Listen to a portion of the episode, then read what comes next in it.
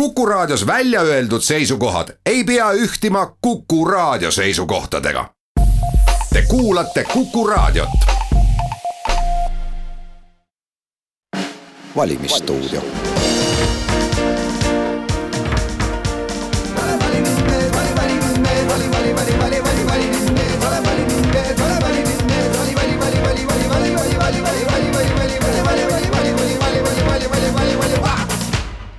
tere päevast, mina olen Neeme Raud, Kuku raadio kuulab Euroopa Parlamenti kandideerivaid poliitikuid ja täna on siin stuudios Urmas Paet Reformierakonnast, tere päevast. tere päevast. ja ootame ka Mart Helmet Eesti Konservatiivsest Rahvaerakonnast, kes on lubanud stuudiosse tulla, kuid ei ole veel hetkeks kohale jõudnud, nii et saate käigus võib ta meiega liituda. aga Urmas Paet,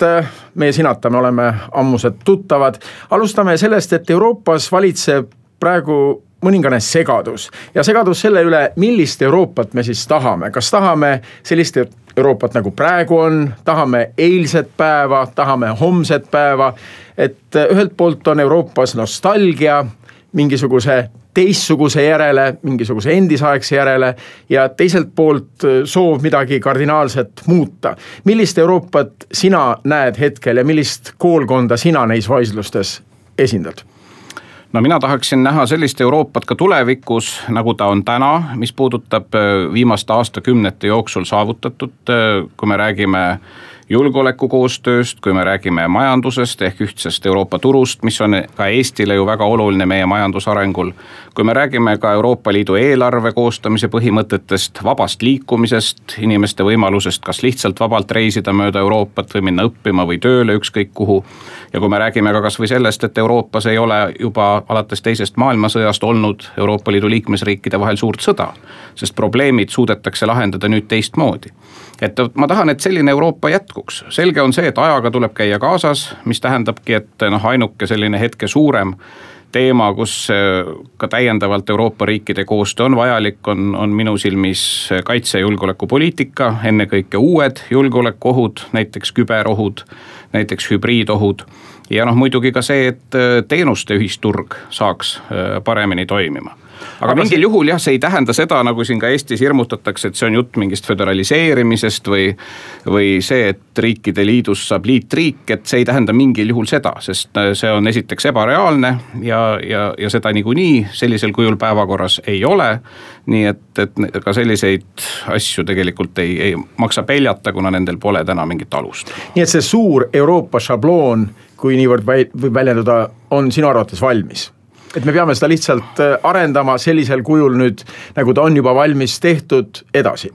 jah, ma olen sellega täiesti nõus, sest kui vaadata seda, kuhu Euroopa tänaseks on oma koostöös jõudnud, see, et on ühisraha näiteks. see, et on ühine vaba liikumise ruum ehk Schengeni ruum. Äh, see, et on ühine majandusruum ja, ja palju muid asju veel, need kõik on tegelikult kogu maailma mõttes ju unikaalsed. üheski teises maailma piirkonnas ei ole riigid suutnud omavahel nii-öelda kokkuleppeliselt nii kaugele minna ja nüüd on küsimus, et jah, et minu meelest äh, on, on tänane seis mm, saavutuse mõttes päris hea ja nüüd tuleb jah, iga päev töötada, et et ka kõikvõimalikud arengud, mis toimuvad nii Euroopas kui Euroopa ümber, mm, noh, oleksid adekvaatselt ka Euroopa Liidu enda siis edasistes tegemistes ja arengutes kajastatud. sest silmas tuleb pidada ka ülemaailmseid arenguid, kus sul on suured, eks ole, jõukeskused nagu Hiina, järjest rohkem ka India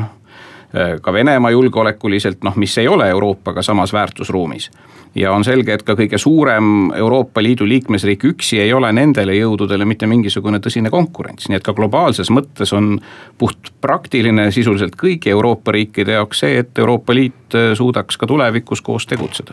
aga samal ajal näeme me siiski rahulolematust, toome kasvõi näite Prantsusmaalt, kollased vestid, kui neilt küsida mis liikumine see on, siis paljud jäävad kimpu, ei oskagi konkreetselt seletada, aga mille vastu te siis olete või mille nimel te tänavatel oleme, olete, nad vastavad, et oleme seepärast, et meil on lihtsalt halb praegu elada, rahulolematus. seda on Euroopas näha mitte ainult Prantsusmaal, vaid ka mujal, ka Eestis siin no eks rahulolematus ju käib inimesega alati kaasas, et, et rahulolematus on alati olnud igas, ma arvan, ühiskonnas ükskõik mis aegadel on, on üks osa ühiskonnast, kes ei ole nende arengutega olnud rahul ja arvab, et noh, kuidagi teistmoodi oleks oluliselt parem kas Euroopa on siis kriisi, kriisile lähema, lähedal olevas seisukorras, et see rahulolematus on nii suur, nagu osa meie poliitikust ka siin Kuku valimisdebattides on öelnud? No minu vastus sellele on, et ei ole ja see ei ole lihtsalt selline tunne, vaid noh, kui vaadata näiteks avaliku arvamuse küsitlusi, mida ju tehakse regulaarselt kõigis Euroopa Liidu liikmesriikides sama metoodika alusel. ka selle kohta, et kas näiteks inimesed arvavad, et Euroopa Liit on mõistlik ja kas nende riik peaks sinna kuuluma. noh, siis see tulemus on ju ikkagi ka, ka viimased uuringu tulemused näitavad, et see ikkagi on stabiilselt seal kuskil seitsmekümne protsendi ümber on neid inimesi, kes leiavad, et Euroopa Liit on vajalik Need, kes on vastu, noh neid on seal kuskil kümne protsendi ümber ja siis on veel inimesed, kes ei oska päris täpselt öelda. nii et eh, noh, kui vaadata neid arve, noh siis eh, tegelikult ei ole mingit põhjust eh, mingist kriisist rääkida aga noh, kui rahulolematuse põhjustele otsa vaadata, siis eks need on ilmselgelt erinevad. ongi sellest, et eks ikka igas riigis ja ühiskonnas noh, ongi, on osa piirkondi äh, ja ka osa ühiskonnast, kes näiteks majanduslikult on kehvemal järjel kui võib-olla mõned teised ja, ja noh, siis keegi peab ju selles süüdi olema ja sisepoliitiliselt järjest rohkem riikides nii-öelda ka olemasolevad valitsused. Noh, neil on väga mugav ja sisepoliitiliselt populaarne näidata näpuga, et vot süüdi ei ole muidugi meie ehk see valitsus, vaid süüdi on Euroopa Liit sest äh, abstraktselt on seda väga mugav süüdistada. ja noh, midagi ei ole teha, on osa ühiskondadest, kes siis võtavad seda ka tõe pähe. olgugi, et kui lähemalt vaadata ja sisuliselt vaadata, siis ikkagi need äh, peamised probleemide või ka valede poliitikate allikad ikkagi istuvad nendes samades konkreetsetes äh, liikmesriikides, nende pealinnades ja valitsustes.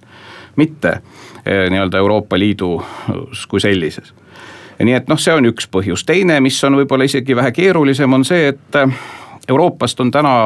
ju füüsiliselt kadumas see põlvkond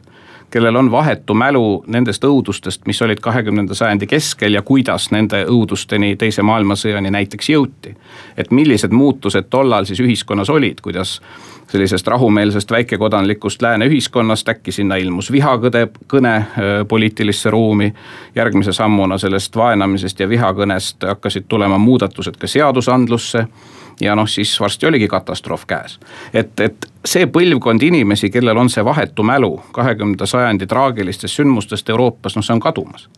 ja, ja noh, paratamatult see on jälle kuidagi halvas mõttes inimlik, et äh, inimesed ja inimkond kipub kordama samu vigu. et noh, me näeme ka täna Euroopas ju neid tendentse, kus sul on mingid äärmused tugevnevad, on nad siis neonatsid või ka islami äärmuslus, eks ole. Äh, või üleüldse noh, jutt sellest, et lammutame selle Euroopa koostöö Euroopa Liidu ära, kuigi ma ei ole kelleltki neist ja noh, eriti see on oluline ka Eesti kontekstis. kuulnud, mis siis on see plaan B et kui ka Eestis, eks ole, on neid, kes ütlevad, et Euroopa Liit on jama, see tuleks kokku lasta kukkuda ja, või Eesti peaks sealt lahkuma. ma ei ole kelleltki neist kuulnud adekvaatset plaani B, mis sel juhul nii-öelda, kuidas see Eesti areng edasi läheks julgeoleku mõttes, arvestades meie geopoliitilist positsiooni, majanduse mõttes üheksakümmend protsenti Eesti eksporti on eksport Euroopa Liitu vabaduste suhtes, vaba liikumise mõttes ja nii edasi, nii et paljuski mm, noh, ütleme ka need meeleolud, mida Euroopas on, nad on noh, ütleme suuresti sellise sisepoliitilise päevapoliitika põhjustatud ilma siis ka adekvaatsete või reaalsete alternatiivide näitamiseta. nii et Urmas Paet, sina väidad, et Eesti ilma Euroopa Liiduta praegusel ajahetkel ilmselt ei saaks praeguses maailmas hakkama? no ma arvan, et saaks hakkama, aga saaks hakkama nagu palju ja palju kehvemini et eh, noh, me võiksime ju ka võrrelda, et kui Eesti peaaegu kolmkümmend aastat tagasi iseseisvuse taastas ehk Nõukogude Liit kukkus kokku. noh, siis peale meie ju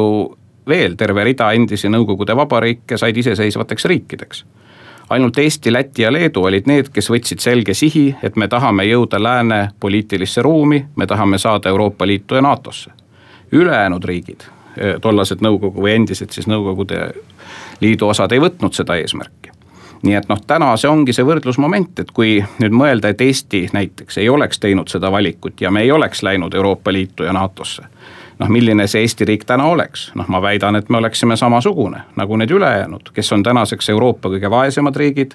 Neil kõigil peale Valgevene on territooriumil sõjaline konflikt, neil kõigil on territooriumil Vene väed,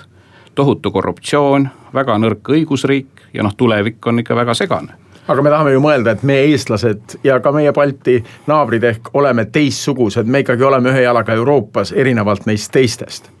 Ja aga ma arvan, et antud juhul see ei päde, sest on üks oluline faktor, mida me oleme ju kahjuks näinud nende kõigi teiste pealt, see on Venemaa. Ja Venemaa jätkuv geopoliitiline ambitsioon siis oma naabrite osas, nende osas, keda ta peab siis oma nii-öelda mõjusfääri kuuluvaks. meil on täna Moldovas Transnistria konflikt, Ukrainas Krimm ja Donbass, Armeenia, Aserbaidžaani vahel Karabahh ja Gruusias Lõuna-Osseetia, Abhaasia ja noh, Valgevene lihtsalt on paljuski Venemaa ripats. et miks me arvame, et Eesti, Läti ja Leedu, et meie saatus juhul, kui me ei oleks tahtnud minna, ei oleks saanud Euroopa Liitu ja NATO-sse, oleks olnud teistsugune. ma väidan, et ei oleks, me oleksime täna täpselt samasuguses seisus kui need riigid, kellele ei läinud ka paljuski nende oma valikute tõttu nii hästi, nagu on läinud Eestil ja Lätil ja Leedul ma tuletan veel kuulajatele meelde, et ootame siia stuudiosse endiselt Mart Helmet, Eesti Konservatiivse Rahvaerakonna esindajat ja praegu siseministrit, kes lubas saatesse tulla, aga ei ole veel kohale jõudnud. ja temalt äh, tahtsingi ma tegelikult küsida, et äh, miks on nende erakond võtnud sellise kursi, et seda Euroopa Liitu tuleks nagu kuidagi Eesti jaoks maha salata, no kuidas muidu äh, vaadata seda sammu, et Euroopa Liidu lipud koristati Toompealt äh, meie parlamendihoonest lihtsalt ära ühel hetkel, et nad ei oleks Eesti lipu kõrval. kuidas sina seda sammu nägid? no ma näen seda sammu ja paljusid muid ikkagi väga, kuidas ma ütlen, noh muidugi ma vaatan seda ebameeldivusega. et, et noh, veel kord, et, et kui kuulata seda retoorikat, mida sinu poolt nimetatud partei ajab, eks ole, et jutt sellest, kuidas Euroopa Liit justkui föderaliseerub ja muutub äh, riikide liidust liitriigiks, noh siis see ei ole nii, see on ebaadekvaatne jutt, sellist asja ei ole ja sellega ei ole mõtet kedagi hirmutada. teine jutt sellest, kuidas Eesti on tohutult kaotanud oma suveräänsust, olles Euroopa Liidus, noh minu väide on vastupidine. Nii nagu ma eelnevalt kirjeldasin, ma arvan, et kui Eesti ei oleks Euroopa Liidus ja NATO-s, vot siis jah, oleks meie tegelikust sisulisest otsustusruumist nii majanduslikult, nii julgeoleku mõttes kui paljudes teistes aspektides palju vähem manööverdamisruumi, kui meil on see täna ehk tegelikult noh, vaadates jälle meie ajalugu, geopoliitilist olukorda, kogu maailmas toimuvat, et siis Eesti ikkagi sellest, et me oleme Euroopa Liidus täna, on saanud suveräänsust palju rohkem juurde, meie võimalused ja otsustusruum on laienenud, mitte kahanenud. seesama julgeoleku teema, fakt on ju see, et nii Euroopa Liidus kui NATO-s olek on meile noh, eksistentsiaalse tähtsusega julgeoleku mõttes kui me räägime Eesti riigi majandusarengust, siis me oleme väga ekspordist sõltuv riik üle, üle seitsmekümne protsendi Eesti majandusest on eksport. omakorda sellest ekspordist üheksakümmend protsenti on eksport teistesse Euroopa Liidu riikidesse. ja see saab olla nii suur protsent ainult seetõttu, et on Euroopa majandusühisturg. ehk Eesti ettevõtjad saavad samadel tingimustel müüa oma tooteid või teenuseid kõikjal Euroopas, mis on viissada kolmkümmend miljonit maailma kõige jõukamat inimest.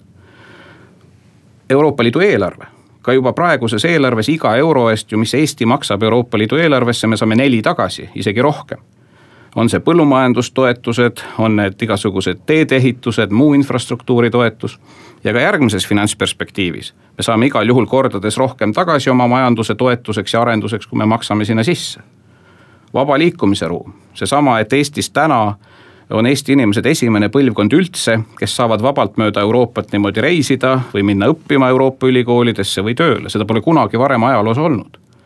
ja noh, lõpetuseks, mida ma ka enne nimetasin, ikkagi seesama tervikuna rahu Euroopas. Euroopa ajalugu on tapmiste ja sõdade ajalugu, nii pikka äh, rahuperioodi suurte vanade vastaste vahel, mis on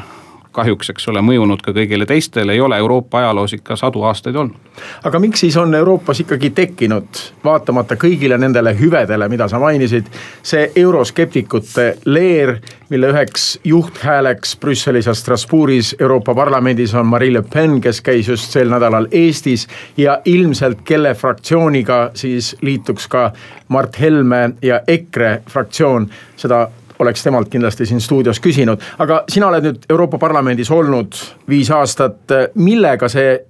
Le Peni fraktsioon seal tegeleb, kas nad tõesti töötavadki selle nimel, et Euroopat lammutada? noh, see fraktsioon ja, ja mõned veel seal tegelikult Euroopa Parlamendis muidugi väga sisulist tööd ei tee. Et mida nende, nad siis teevad? Nende tegevus ongi peamiselt loosungid, selline poliitiline propaganda, mille ainuke sõnum on see, et Euroopa Liitu tuleb nõrgestada, nii et ta kukub kokku või üldse laiali saata et see ongi nende agenda. Ja, ja kust see tuleb, noh sisepoliitilised põhjused. Ehk ongi, et mängida mingisuguste ka hirmude peal, hirmutamise peal, valeinfo peal selleks, et ka sisepoliitikas, on see siis Prantsusmaa või mõni teine riik, saada siis piisavalt toetust, sest noh, ikka on osa ühiskonda, kellele sellised loosunglikud laused mustvalge maailma maalimine sobib ja noh, teine midagi ei ole teha, Euroopa Liit on täna ja Euroopa riigid üldse rahvusvahelises järjest karmimas konkurentsis. Nende samadega, mida ma nimetasin, ennekõike Hiina ja ka Venemaa. ja, ja noh, on selge, et nendele riikidele ka ei meeldi see, et Euroopa Liit püsib koos, et Euroopa tervikuna on tugev ja, ja neile rahvusvaheliselt konkurent nii et noh, kui vaadata ka näiteks Venemaa tegevust äh, igasuguste hübriidtegevustega, aga ka otsene propaganda äh,, need sõnumid äh,, noh siis on selge, et, et nad ka sooviksid, et Euroopa Liit või lääneriikide koostöö kokku kukuks, nii et see on aspekt, kus ütleme Euroopas sellised jõud nagu Le Peni oma Prantsusmaal ja, ja mitmed veel, et nende see eesmärk langeb üksüheselt kokku näiteks Venemaa ja järjest rohkem ka Hiina omadega. Ega siis asjata kõik see jutt, kuidas Le Peni partei, eks ole, on saanud üheksa koma kolm miljonit eurot äh, Venemaalt laenu ja, ja kõik need seisukohad, kuidas äh, Venemaa ei riku mingit rahvusvahelist õigust, mida Le Pen, eks ole, ajab. et, et äh, mingit Krimmi nii-öelda okupeerimist pole olnud ja nii edasi ja nii edasi, et see on ju täpselt sama retoorika, mida me oleme kuulnud Venemaalt kõigi oma tegude õigustamiseks. aga vaadates Euroopa Parlamenti nüüd seestpoolt, kui saadikud on nüüd sinna saadetud, siis äh, need, kes liituvad selle Le Peni loosungliku fraktsiooniga, suurt midagi ei saavuta. No nad ei saavuta jah, sellepärast et tegelikult ütleme, see kära äh, kõigi nende käitumiste ja väljaütlemiste ümber on tegelikult palju suurem, kui see asi ise väärt on. et äh, noh, ka aga vaatame Eestitki, eks ole, meil on samamoodi ühe partei ümber on ju kära kui palju, eks ole, kõik midagi arutavad, mingeid teemasid, ma pakun, et see on liiga palju üle pakutud, sest Eestis on, eks ole, üks koma kolm miljonit elanikku ja pidevalt räägitakse umbes saja tuhande inimese tahtest. Aga need ülejäänud üks koma kaks miljonit, samamoodi on kogu Euroopaga, eks ole, et, et nad äh, on olemas, nad mingit osa ühiskonnast jah, esindavad, aga üheski Euroopa riigis sellelaadsete parteide toetus ei ole seal suurem kui kuskil seal viisteist, kaheksateist protsenti. Ja need on need kõige suuremad. mis tähendab seda, et kaheksakümmend ja rohkem protsenti inimestest ei toeta neid aga noh, kogu selle kära ja, ja teinekord ka sellise ajakirjandusliku äh, müra järgi jääb mulje nagu vaata, et olekski tegemist mingi tohutu enamusega, mis ei vasta tõele, tegemist on selge vähemusega kõigis Euroopa riikides ja, ja sealhulgas Euroopa Parlamendis. nii et selles mõttes, kui ma praegu prognoosin järgmist Euroopa Parlamendi koosseisu, noh kära praegu tehakse kõvasti, aga ma arvan, tulemusena, kui nad mõne koha saavad, siis kõik kokku natuke rohkem, kui on praeguses koosseisus võib-olla. aga mingit olemuslikku muudatust või vahet sellest ei teki. Urmas Paet, me jätkame juttu Europarlamendi teemal mõne hetke pärast, vahepeal on nüüd uudised ja siis vaatame sellesse struktuuri teravalt sisse, et kuidas see struktuur töötab, nüüd sa oled viis aastat seal olnud ja tead neid töömehhanisme hästi, et mis on neil valimistel Eesti jaoks oluline, keda sinna valida ja kes, kuidas peaksid seal hakkama toimima, et Eestil sellest kõigest ja Euroopal tervikuna kasu oleks. valimisstuudio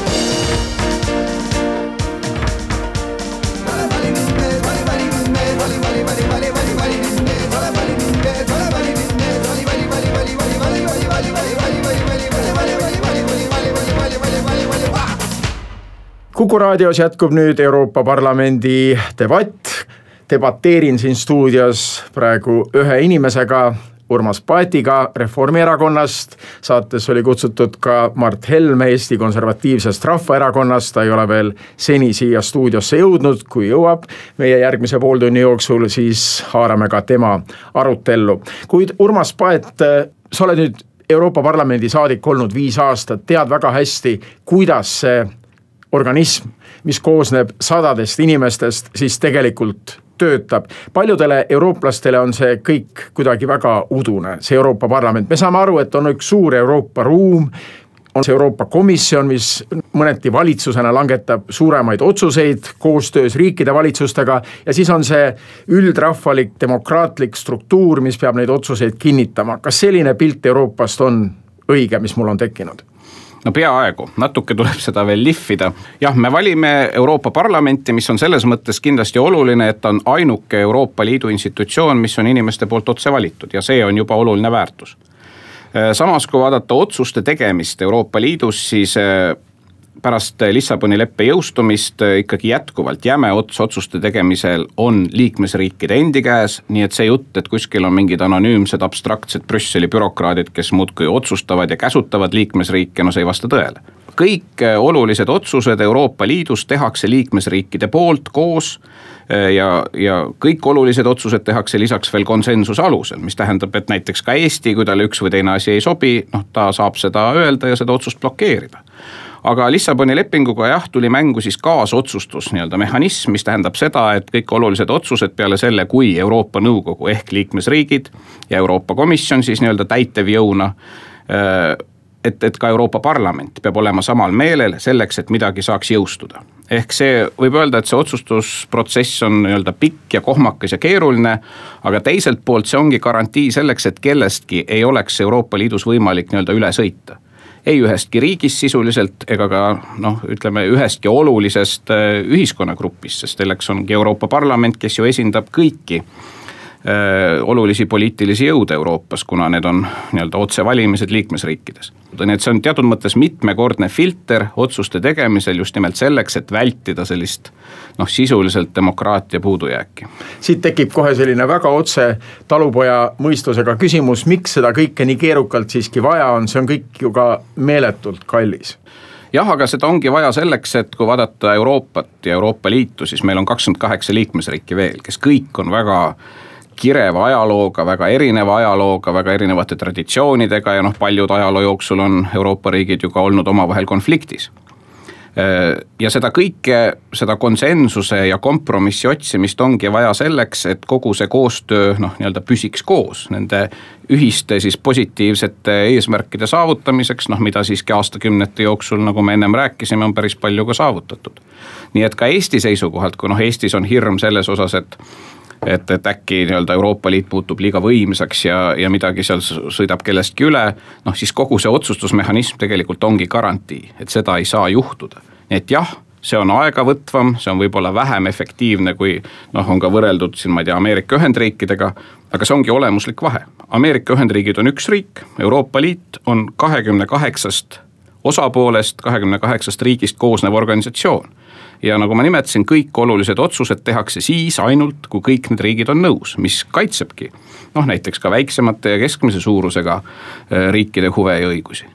siin sellel samal toolil, Urmas Paet, kus sa praegu istud, oli päev varem Yana Toom, kes kuulub samasse fraktsiooni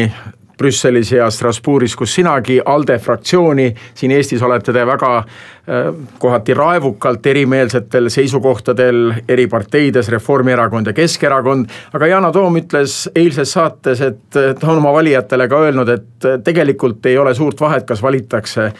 Urmas Paet või valitakse Yana Toom Euroopa Parlamenti. oluline on see Eesti seisukohalt, et valitakse tõhus poliitik, kes hakkab asju ajama, sest nagu tsiteerin Yana Toomi, me Eesti saadikud Euroopas hakkame lõpuks ajama ikkagi koos kuuekesi või siis tulevikus seitsmekesi, kui Brexit läbi läheb,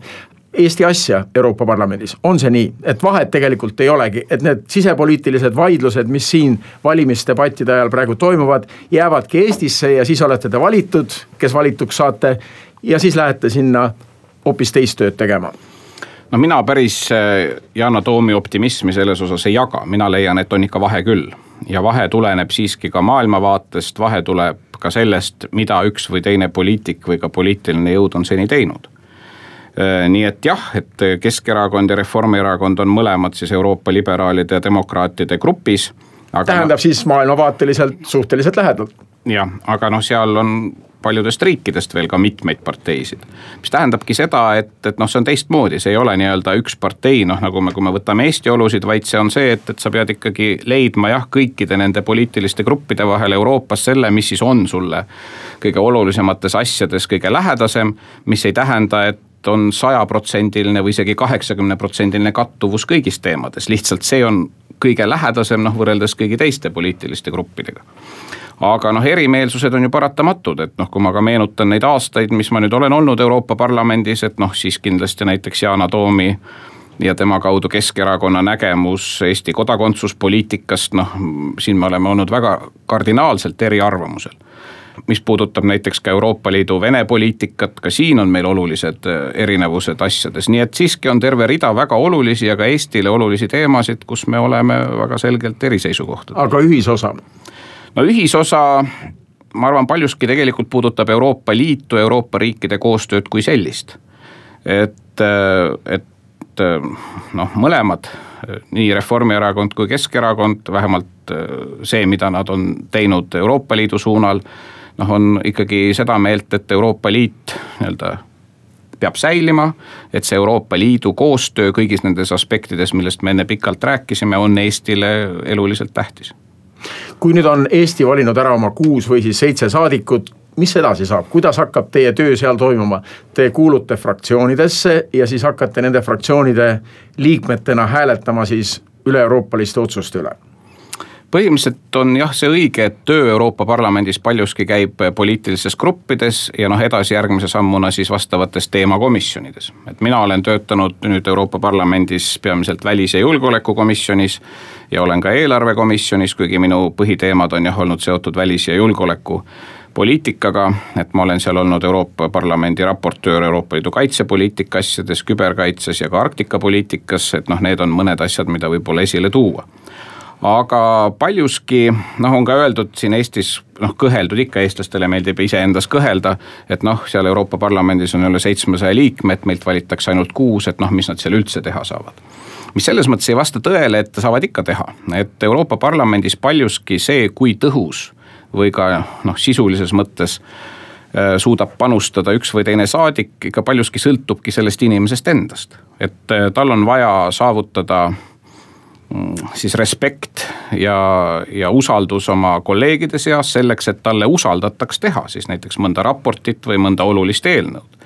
sest Euroopa Parlamendis on väga need raportite näiteks ettevalmistamine on väga konkreetse saadiku keskne, et üks või teine saadik nimetatakse selle teemaga tegelema ja ta tegelebki kogu selle protsessi, alates algtekstist, lõpetades siis kõik need muudatusettepanekute läbivaatamised ja teksti muutmine kuni lõpphääletuseni välja nii et ähm, lõppude lõpuks see, kui tõhusalt Eesti saadikud seal suudavad midagi teha, noh, sõltub neist endist nii, aga kust tuleb siis see koostööfaktor, kust tuleb siis see Eesti huvide esindamise faktor, kust tuleb siis see rahavoogude Eestisse juhtimise faktor? No ikka on tulnud jah ette ka selliseid asju, mis võib-olla on rohkem Eesti spetsiifilised, et eh, kui ma nüüd ka seda lõpetavat koosseisu meenutan, et noh, siis näiteks oli siin mõni aasta tagasi oli Eestile vaja saada erandit, mis puudutas meie põlevkivitööstust. noh, selleks, et üleöö ei toimuks dramaatilisi muudatusi. et siis jah, viis saadikut kuuest, me töötasime selle nimel, et mõjutada ka siis oma nii-öelda poliitiliste gruppide kaaslasi, et see erand oleks võimalik ja noh, tollal läks see meil õnneks noh, samuti me tegime koostööd näiteks, et Euroopa Parlament teeks eraldi resolutsiooni Eston Kohveri vabastamise toetuseks Venemaalt. et Euroopa Parlament teeks eraldi resolutsiooni Indias kinni olnud Eesti laevakaitsjate vabastamiseks. ja oli ka üks eranditaotlus näiteks hülg, hüljeste küsimuses, aga noh, seal me ei olnud edukad. nii et eh, ka selliseid eraldi otsuseid aeg-ajalt tuleb ette, kus ütleme, Eesti saadikud panevad seljad kokku ja veenavad oma kolleege teistest riikidest, kõigist erinevatest siis poliitilistest rühmadest, et olge head, toetage seda sellepärast, et aga noh, tihti on ka muudatusettepanekute kaudu see võimalik, et kui sul on mingi eelnõu ja siis see on ühes või teises aspektis mingile Eesti valdkonnale noh, pole kõige soodsam, eks me siis üritame seda ka muudatusettepanekutega muuta. aga seleta nüüd konkreetselt ära, kus siis see raha küsimine ja raha tagamine käib, milliste mehhanismide abil? Europarlamendi valimiskampaanial on ikkagi kõlanud loosungeid, et kui mind valitakse, lähen ja tagan selle, et Eesti saaks neid suuri toetusi edasi, et see suhtarv on ju, et Eesti maksab Euroopa eelarvesse ühe euro ja saab tagasi neli eurot, et, et see kõik jätkuks. no siin on see ühe saadiku võimalus mõnevõrra udusem. kuue ka kuue oma on mõnevõrra udusem. kuidas te et... siis kaitsete neid huve, mida te lubate siin Eestis kampaania no kõigepealt, kõigepealt ei maksa üldistada, et mõni tõepoolest, mõni kandidaat väga jõuliselt ütleb, kuidas tema nüüd läheb mingeid rahalaevu kuskilt tooma, aga noh, pilt muidugi on palju keerulisem. no praegu ja lähemal pooleteistkümnel kahel aastal ongi väga oluline teema, on uus Euroopa Liidu eelarve seitsmeaastane eelarve, mis siis peaks hakkama kehtima kaks tuhat kakskümmend üks ja sealt siis seitse aastat edasi. nii et see suur vaidlus ja läbirääkimised on nüüd kõik ees praeguseks on siis olnud nii palju, et Euroopa Komisjon on teinud oma ettepanekud, milline see uus eelarve võiks välja näha. noh, nii-öelda suures pildis teemade kaudu või kaupa ja jaganud siis raha ära oma ettepanekuga. ja noh, mis edasi saab, on siis nüüd nii, et selle uue eelarve osas peavad seisukoha võtma Euroopa Nõukogu ehk siis kõik liikmesriigid ja siis ka veel Euroopa Parlament noh, lähtekoht täna on selles mõttes muidugi väga erinev, et Euroopa Komisjoni ettepanek on üks, kui vaadata täna riikide seisukohti, sest lõppude lõpuks raha Euroopa Liidu eelarvesse tuleb ju riikidest. Ja, ja seda enam suhteliselt rohkem nendest riikidest, kes on netomaksjad, ehk nad maksavad Euroopa Liidu eelarvesse oluliselt rohkem, kui nad sealt ise tagasi saavad, sest noh, nende arvelt on võimalik sellistele riikidele nagu Eesti maksta toetusi rohkem ja oluliselt rohkem, kui me ise Euroopa Liidu eelarvesse panustame suuremate toetuste mõte on see, et viia meid siis samale tasemele, et Euroopa no, ruum tervikuna just, oleks sarnane. et jah, aidata majandusarengule kaasa siis nendes riikides, kus, kes on keskmisest siis tublisti allpool. Nonii, ehk eh, liikmesriikidel on ikkagi väga tõsine sõna öelda, sest ilma nendeta ja ilma nende sissemakseteta noh, pole võimalik ka jagada midagi ja siis tuleb mängu veel Euroopa Parlament, kelle soovid muidugi on oluliselt suuremad, kui on nii Euroopa Komisjoni ettepanek, rääkimata riikide ettepanekust, sest noh, vaadatakse, eks ole, teemadele näkku, et meil siin tuleb arendada teadust ja innovatsiooni, väga mõistlik. kaitset ja julgeolekut, välispiiride kaitset, eks ole, ja nii edasi ja nii edasi, ehk neid teemasid, kuhu kogu aeg raha justkui rohkem vaja oleks, on, on ju väga palju ja, ja siis algavadki need väga keerulised läbirääkimised, kõigepealt riigid omavahel Euroopa Nõukogu raames ja siis need institutsioonid omavahel ehk Euroopa Komisjon, nõukogu ja parlament, et lõpuks siis üritada saavutada mingisugune kompromiss, mis siis oleks see järgmine eelarve nüüd need kohad, kus ütleme, parlamendiliikmed äh, saavad siis kuidagi midagi mõjutada või panustada, noh, ongi siis see parlamendipoolsete ettepanekute tegemine. noh, lihtsam on see asjades, mis võib-olla, millest tegelikult enamus saavadki aru, et see ongi nagu ebaõiglane. noh, siin ma räägin näiteks põllumajandustoetustest, äh, kus tegelikult täna ma väidan, et enamik saabki aru, et noh, Eesti, Läti ja Leedu on koheldud ebavõrdselt ajaloolise nii-öelda pärandi tõttu et on saanud liiga vähe? no suhteliselt liiga vähe just, mis muidugi automaatselt ei tähenda seda, et nüüd siis heldelt kohe keegi paneb sinna otsa. et see on ikkagi ka jälle läbirääkimised ja võitlus, kus võtmeroll muidugi on valitsustel ka Eesti valitsusel, vastavatel ministeeriumidel ja vastavatel ministritel, kes nende teemadega tegelevad ja noh, kõrvalt siis jah, parlament ka. nii et see, ma ennustan, et kogu see järgmise eelarveperspektiivi läbirääkimiste lugu saab olema igal juhul väga keeruline, sest äh, täna need rahalised käärid soovide ja võimaluste vahel on, on väga suured noh, Brexit mõjutab seda, eks ole, sest üks suur netomaksja ju Euroopa Liidu e eelarvest lahkub, ehk Suurbritannia, seda auku tuleb täita ja noh, lisaks elu on toonud juurde tõesti vajadusi, mida tuleb ka rahastada, näiteks seesama kaitse- ja julgeolekupoliitika, teadus, innovatsioon, noortepoliitika. samas keegi, eriti riikidest ju ei taha juurde maksta rohkem, et needsamad netomaksjad ütlevad, et nemad ei taha rohkem maksta. nii et äh, nii Lõpp, et lõppkokkuvõttes see, kui hästi või halvasti Eestil läheb nendel eelarvekõnelustel, noh ikkagi mingil määral sõltub ja päris suurel määral sellest, kui edukas on Eesti valitsus nendel läbirääkimistel ja noh, siis võib-olla natuke väiksemas määras sõltub sellest kas mõni Euroopa Parlamendi liige noh, satub olema ütleme strateegilises olulises komisjonis näiteks Euroopa Parlamendis või noh, veel enam selle konkreetse eelarveteemalise raportiga kuidagi seotud, kas raportöör või variraportöör nii et nii mustvalgelt me öelda ei saa, et kui valite saadiku A ja annate talle kohustuse tagada rahavoogude jätkumine Eestisse, siis ta läheb ja see ongi tema peatöö seal Brüsselis ja Strasbourgis. no see võib olla tema peatöö, aga, aga neid, kellest äh, see tulemus veel sõltub peale tema, on veel mitukümmend tuhat, eks ole. nii et, et selles osas, eks igaüks saab oma väikese panuse sellesse anda, et need asjad läheksid õigesti, aga noh, neid muutujaid ja mõjutajaid on muidugi väga palju Eestis on äh, toetus Euroopa Liidule väga tugev ja samamoodi ka Lätis, lugesin äh, sel nädalal artiklit Läti kohta ja seal on üks põhjendus, miks Euroopat nii toetatakse, just see, et Läti saab Euroopalt niivõrd heldelt toetusi. kunagi varem ei ole keegi Euroopa struktuuridest või ka ükski teine riik või Nõukogude Liit siin muidugi näiteks äh, toetanud Lätit nii heldelt kui praegu ja seepärast lätlased leiavad, et me peame sinna kuuluma. kas ka Eestis võib äh, seda tugevat eurotoetust kuidagi seostada majanduslike huvidega? no kindlasti jah, et see on üks aspekt, aga ma arvan, et kokku kõige olulisemad on ikkagi kolm sellist suuremat laeva, äh, mis noh, nii-öelda vähemalt ratsionaalselt ütleb, et Euroopa Liit ja meie seal liikmeks olek on meile eluliselt tähtis, noh üks on muidugi, ongi seesama majanduslik efekt. et üks on eelarvelised toetused, aga tegelikult sellest isegi veel olulisem on seesama vaba juurdepääs Euroopa ühisturule ehk rohkem kui viiesajale miljonile tarbijale. teine vaal või, või sammas, millel see seisab, on muidugi julgeolek meie piirkonnas, see, et me oleme koos samameelsete riikidega ja kolmas, ma siiski arvan, on järjest olulisem, ongi ka see vabaduste ruum, sealhulgas seesama liikumisvabadus mööda Euroopat, sest noh, meil on täna Eestis ju ikkagi põhimõtteliselt tekkinud juba põlvkond noori, kes ei teagi, et teistmoodi oli ka võimalik, kuigi see ei olnud nii väga ammu. Kui ikkagi Euroopas reisimine oli, oli kordades keerulisem, noh rääkimata ligipääsust näiteks Euroopa ülikoolidele. Eile toimus Brüsselis Euroopa Parlamendi täiskogu saalis Euroopa Komisjoni presidendikandidaatide debatt, see on väga oluline ametikoht Euroopa struktuuris, mille täitjast palju sõltub ka see, milline arengukurss võetakse ja üks selle peateemadest oli et Euroopa ei ole vaid majanduslik ja geograafiline ühendus, vaid ka maailmas eristuv liit oma väärtuste poolest. millised on Euroopa väärtused, mida ka meie siin Eestis igaüks peaksime enda jaoks lahti seletama? jah, ja selles mõttes ma olen täiesti nõus, et see on Euroopas väga unikaalne, et, et kõik need väärtused, mida võib ka nimetada lihtsalt inimõigusteks, nende kõigis aspektides, noh kogu maailmas kindlasti on Euroopas, Euroopa on üks kõige paremini või Euroopa on üks neid piirkondi, kus need õigused on kõige paremini tagatud igaühele. No, toome see... siis ka piltlikult, hakkame siis peale kasvõi sõnavabadusest ja no, lõpetades selleni. sõnavabadus, see, et sul on õigusriik, et ikkagi kedagi ei saa ka riik ja tema õiguskaitseorganid lihtsalt kuidagi suvaliselt represseerida näiteks, et ühiskondades. õigus ei... elada hirmuta. absoluutselt, see, et sul ei ole hirmu politsei ees näiteks, eks ole, või, või üldse riigi kui sellise ees, et eh, sul on kohtusüsteem, mis on sõltumatu, mis on ka veel mitmeastmeline, et vältida kohtuvigu et ühesõnaga, et kedagi ei saaks represseerida